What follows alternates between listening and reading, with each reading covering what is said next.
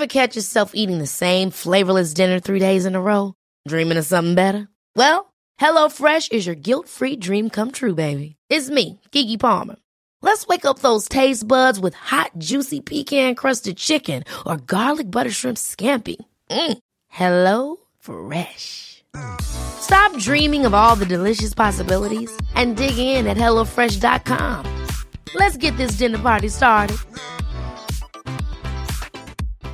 If you're looking for plump lips that last, you need to know about Juvederm lip fillers. With Juvederm Volbella XC and Juvederm Ultra XC, your lip look, whether it's subtle or bold, can last up to one full year with optimal treatment and no additional maintenance. Find a licensed specialist and see if it's right for you at juvederm.com today. That's J U V E D E R M.com. Add fullness to lips in adults over 21 with Juvederm Volbella XC or Juvederm Ultra XC. Do not use if you have severe allergies or a history of severe allergic reactions, or if you're allergic to lidocaine or the proteins used in Juvederm. Tell your doctor if you have a history of scarring or taking medicines that decrease the body's immune response or that can prolong bleeding. Common side effects include injection site redness, swelling, pain, tenderness, firmness, lumps, bumps, bruising, discoloration, or itching. As with all fillers, there's a rare risk of unintentional injection into a blood vessel, which can cause vision abnormalities, blindness, stroke, temporary scabs, or scarring. For full important safety information, visit juvederm.com. Hey, I'm Ryan Reynolds. Recently, I asked Mint Mobile's legal team if big wireless companies are allowed to raise prices due to inflation. They said yes. And then when I asked if raising prices technically violates those onerous two year contracts, they said, What the f are you talking about, you insane Hollywood ass?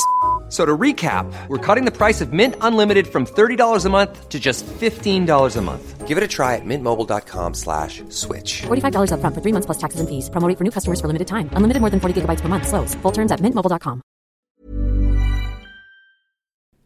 Olösta fall. En podd om försvunna människor och ouppklarade mord.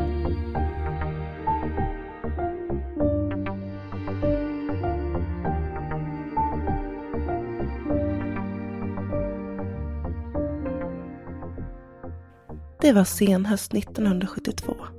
Solen sken på en klar oktoberhimmel och sommarturisterna hade för länge sedan lämnat Gotland, Fårö, Snäck och packat ner sina tält i källaren för att samla damm till nästa säsong. Gotland med sina långa vackra stränder, raukar och magiska utflyktsplatser låg nu tyst, stilla och vilande. Kvar fanns nu öborna, de många bondgårdarna och vinden som smekte de karga träden längs kuststräckorna. Men just det här året var det inte bara sommarturisterna som lämnat ön. En man bosatt i Lummelunda går inte att finna. Han som alltid fanns där, på sin gård nära Visby, är som uppslukad av jorden. Du lyssnar på Olösta fall. Mitt namn är Sofie Nublin. Och mitt namn är Nathalie Seow. I veckans avsnitt av Olösta fall ska vi berätta för er om det historiska fallet Sven Sjögren som försvann från sin gård i Lummelunda på Gotland i oktober 1972. Det är ett omtalat fall som än idag, år 2023, är olöst. Sven Sjögren föddes år 1910, samma år som den sista avrättningen i Sverige verkställs. Han föddes på Gotland.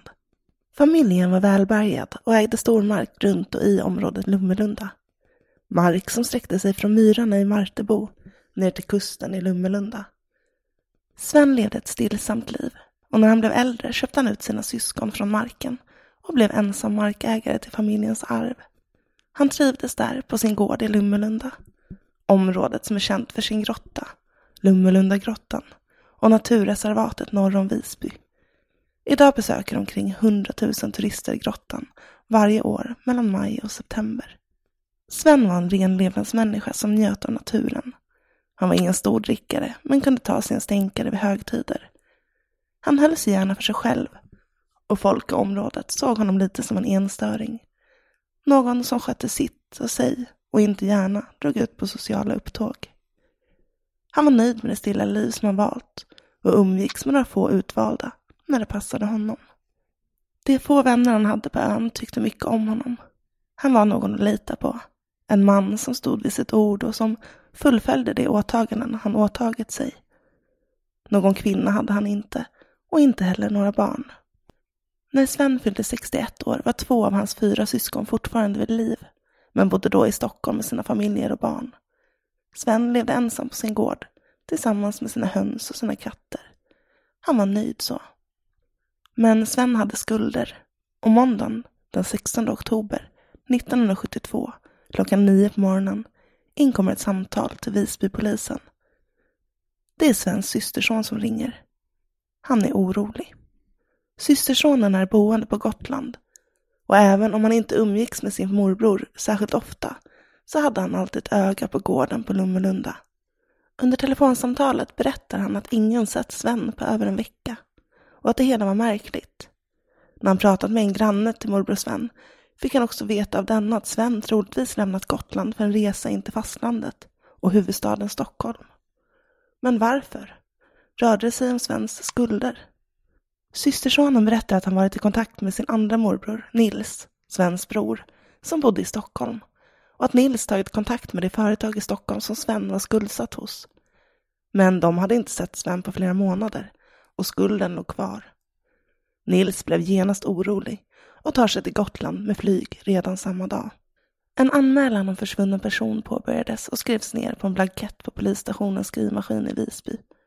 Polismannen som tagit emot samtalet beslutade sig för att tillsammans med systersonen till Sven möta upp Nils på Visby flygplats på eftermiddagen. De tre männen beger sig sedan tillsammans till Svens gård i Lummelunda. Även två poliser från spaningsroten anländer till gården och man börjar söka efter Sven. Gården ligger lugn och stilla när bilen kör upp på gårdsplanen. Ingen Sven i sikte och ingenting såg misstänksamt ut på platsen. Inga spara bråk eller inbrott. Ytterdörren som är låst lirkas upp av en polisman med hjälp av en vit ståltråd. Men när dörren till huset öppnas byts det stilla lugnet ut mot kaos. Synen som möter dem är lamslagande. Inuti Svens hus är det ett bombnedslag. Det är stökigt, smutsigt och hela huset är fullproppat av skräp och bråte. Hur hade Sven egentligen levt? Hur hade han egentligen mått? Vanvården av huset var talande. Inne var det kallt och det luktade illa. De tre männen ropade efter Sven, men fick inget svar. Huset genomsöktes, men Sven Sjögren var som uppslukad av jorden. Vart hade Sven Sjögren tagit vägen? Polisen pratade med bekanta till Sven. Vilka hade han haft kontakt med innan han försvann? Hade han betett sig annorlunda, märkligt eller berättat någonting för någon som kunde leda dem framåt i sökandet? Och hur såg egentligen Svens ekonomi ut med tanke på skulden han hade till företaget i Stockholm? Sven var ingen rik man. De pengar han ägde hade han investerat i sin mark, som i sig var värd en stor summa pengar. Men utöver marken så levde Sven väldigt spartanskt. Han hade inte mycket pengar att röra sig med och hade vid flera tillfällen fått låna pengar av vänner och bekanta för att ha råd med mat. Han var med andra ord en fattig man trots att hans mark var värd mycket pengar. Och när polisen gräver i Svens ekonomi och kartlägger hans liv inser de att marken som Sven äger och lever på har haft flertalet spekulanter under åren. Kan marken ha varit ett motiv för att undanröja Sven? Bland spekulanterna ska bland annat två av de personer som försökt få Sven att sälja av sin mark varit hans grannar. Dessa två ska på olika håll ha frågat Sven vid flertalet tillfällen om han inte kunnat tänka sig att sälja. Men Sven hade vid varje tillfälle sagt nej, trots att han var i behov av att få loss pengar. Om det var stolthet som låg bakom hans nekande till affärer kan nog bara Sven svara på. Men situationen fick polisen att börja utreda om det kunde vara en grannfejd som låg bakom Svens försvinnande. Polisen gräver vidare och det visar sig att en direktör till en stor minkfarm i Salthamn fått förvärvstillstånd av Länsstyrelsen gällande stora delar av svensk mark. Ett slags medgivande som innebär att man är godkänd att få förvärva en lantbruksfastighet i glesbygd. Allt som fattas är att Sven ska vilja sälja marken det gäller. Någonting han vägrat. Den rika garvarfamiljen ska ha försökt få Sven att ändra sig, men enligt vittnen runt Sven ska han ha uttalat sig om att han inte under några som helst omständigheter kommer att sälja marken till direktören. Direktören ska då ha försökt lura Sven med hjälp av en så kallad bulvan, en mellanhand. Mellanhanden ska då ha försökt få Sven att sälja marken till honom för att han sedan skulle sälja vidare till direktören, allt utan Svens vetskap. Här verkar någonting vara lite lurt.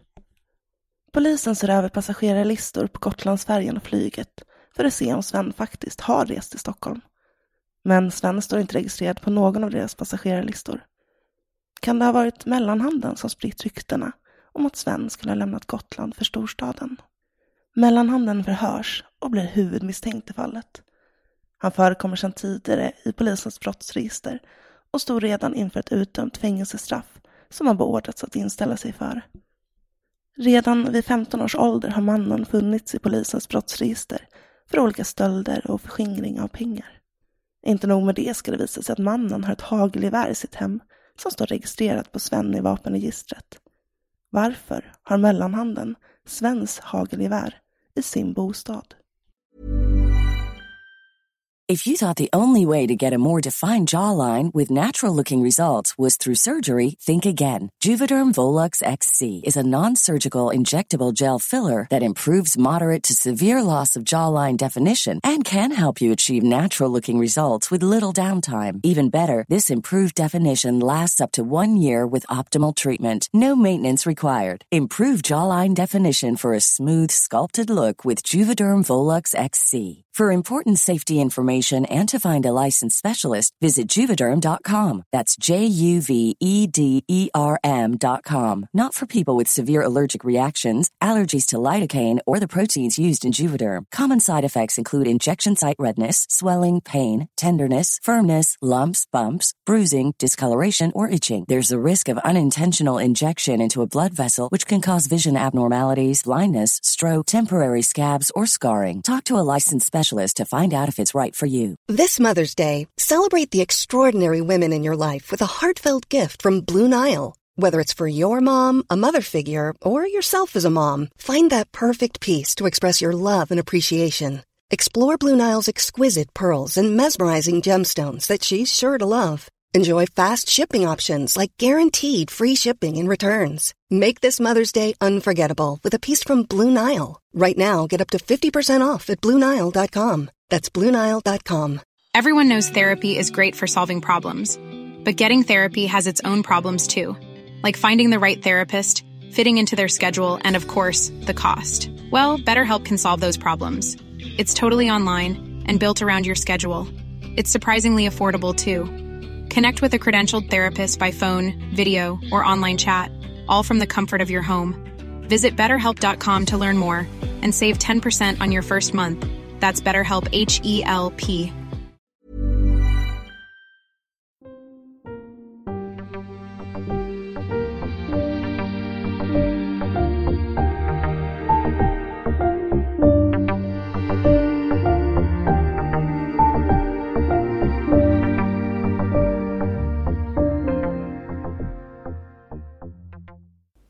husrannsakan görs i Sven Sjögrens hus.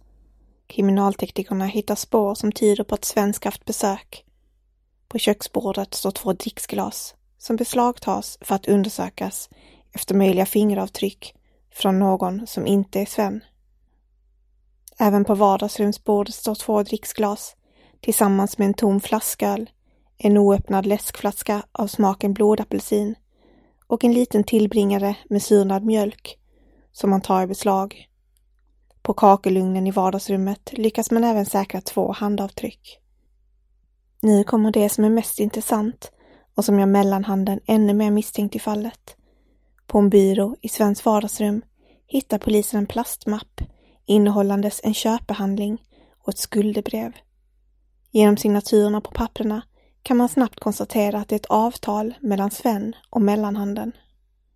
Mannen ska ha betalat Sven 10 000 kronor, vilket kvittot i mappen bevisar. I skuldebrevet signerat av mellanhanden och Sven rör det sig om en skuld på ytterligare 20 000 kronor som han ska betala till Sven. Detta signerat den 3 oktober 1972, 13 dagar innan Svens systerson ringer till polisen om att han är försvunnen. Man finner också bevis som tyder på att Sven med största sannolikhet inte håller sig borta frivilligt. I hans sovrum hittar man nämligen en död liten kattunge som svultit ihjäl. Sven älskade sina djur och skulle aldrig lämna sina kattungar utan att se till att någon kom över och gav dem mat och vatten. Någonting som även Svens grannar konstaterade vid förhör. Framför sängen finner polisen också en vätska som täcker golv och tv.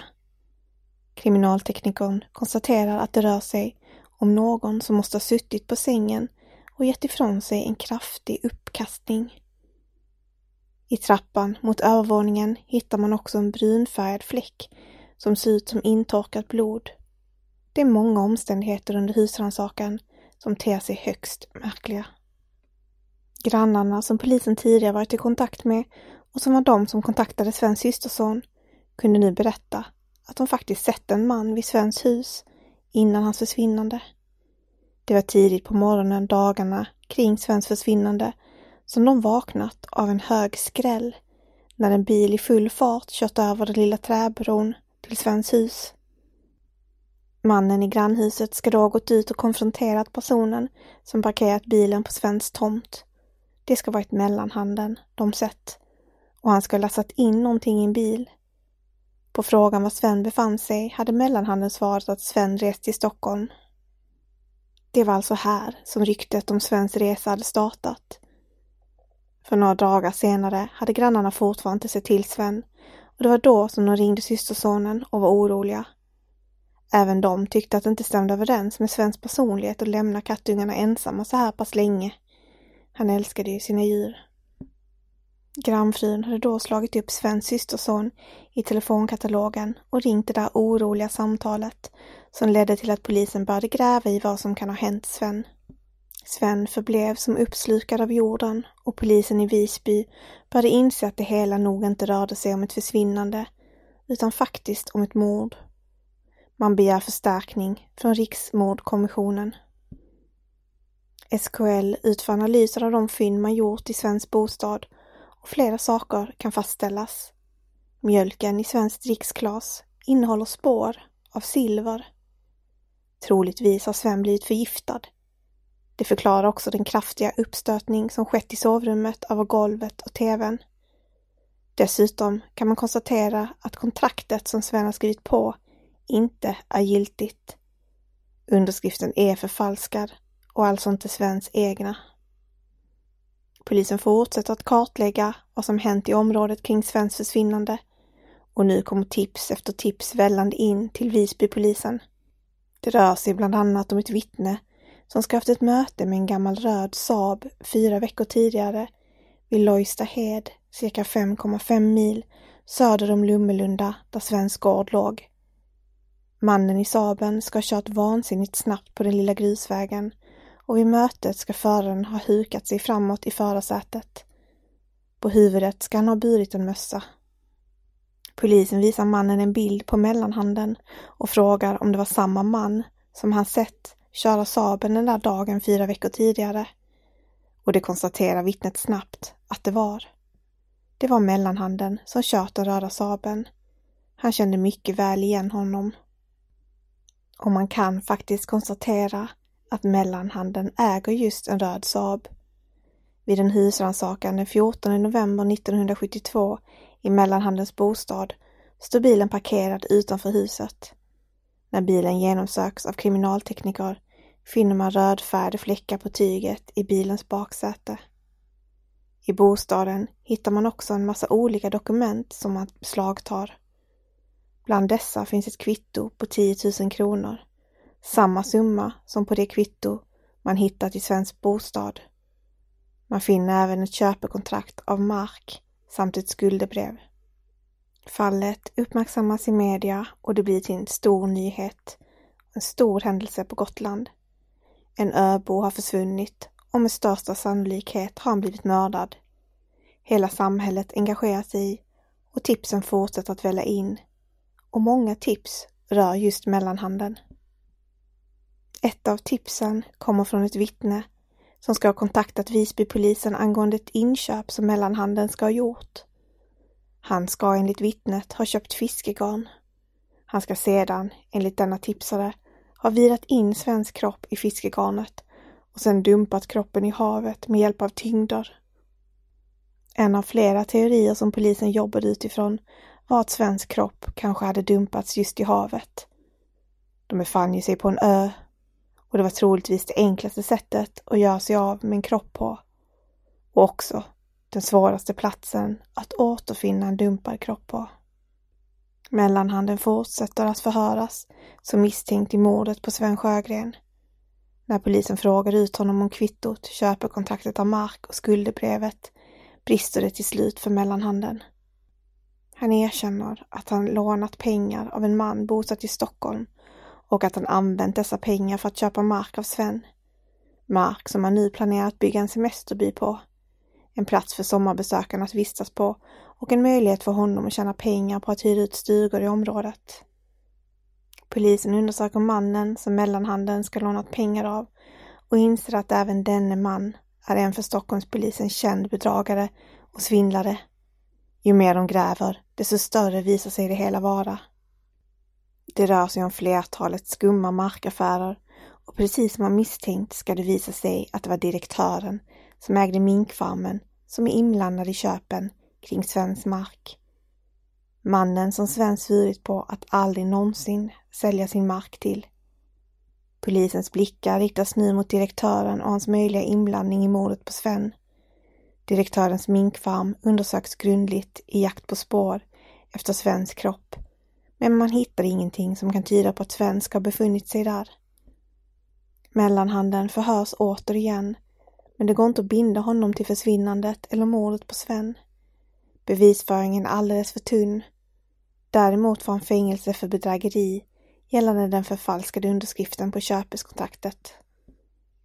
Sven död förklarades hösten 1983, men någon kropp kunde aldrig hittas och hans anhöriga fick begrava en tom kista. Visbypolisen är övertygade om att det är mellanhanden som har mördat Sven. Men det går inte att bevisa. Kreatörerna bakom podcasten Kalla fall har gjort en dokumentär om fallet. Vi kommer att länka till den i våra källor som du hittar på olostafall.se. Deras spår ledde dem till en soptipp på Gotland där både benbitar och en grön gammal jacka hittades. Tyvärr visade sig benbitarna vara betydligt äldre och de tillhörde inte Sven. Kanske finns hans kropp begravd någonstans på Gotland. Kanske finns han i det djupa blå vattnet. Eller så transporterades kroppen till Stockholm ändå. Det är en gåta som vi troligtvis aldrig kommer att få veta svaret på. Det finns en sak som är lite annorlunda med det här fallet jämfört med andra äldre fall som vi tagit upp. För att även om Sven dödförklarades 1982 så är fallet inte preskriberat då kroppen inte hittats och man har inte kunnat fastställa att det rör sig om ett faktiskt mord. Våra tankar går ut till Svens anhöriga. Att inte få svar på vad som verkligen hänt. Att gå till en tom grav måste vara fruktansvärt. Att det dessutom troligtvis rör sig om pengar och mark som motiv. Att människans girighet kan leda till att man tar någon annans liv. Det är fruktansvärt. Tack för att du har lyssnat på veckans avsnitt av Olösta fall. Have catch yourself eating the same flavorless dinner three days in a row? Dreaming of something better? Well, hello fresh is your guilt-free dream come true, baby. It's me, Gigi Palmer. Let's wake up those taste buds with hot, juicy pecan-crusted chicken or garlic butter shrimp scampi. Mm. Hello Fresh. Stop dreaming of all the delicious possibilities and dig in at HelloFresh.com. Let's get this dinner party started. Want to get a chiseled look in the jawline? Sculpt and shape your jawline with added volume from Juvederm Volux XC. Juvederm Volux XC is an injectable gel specifically designed to be robust enough to improve moderate to severe loss of jawline definition. And it is the first and only hyaluronic acid filler approved for the jawline. Add volume to your jawline for a chiseled look with Juvederm Volux XC. For important safety information and to find a licensed specialist, visit juvederm.com. That's J U V E D E R M.com. Not for people with severe allergic reactions, allergies to lidocaine, or the proteins used in Juvederm. Common side effects include injection site redness, swelling, pain, tenderness, firmness, lumps, bumps, bruising, discoloration, or itching. There's a risk of unintentional injection into a blood vessel, which can cause vision abnormalities, blindness, stroke, temporary scabs, or scarring. Talk to a licensed specialist to find out if it's right for you. Visit juvederm.com. That's J U V E D E R M.com. Hi, I'm Daniel, founder of Pretty Litter. Cats and cat owners deserve better than any old fashioned litter. That's why I teamed up with scientists and veterinarians to create Pretty Litter. Its innovative crystal formula has superior odor control and weighs up to 80% less than clay litter. Pretty Litter even monitors health by changing colors to help detect early signs of potential illness. It's the world's smartest kitty litter. Go to prettylitter.com and use code ACAST for 20% off your first order and a free cat toy. Terms and conditions apply. See site for details.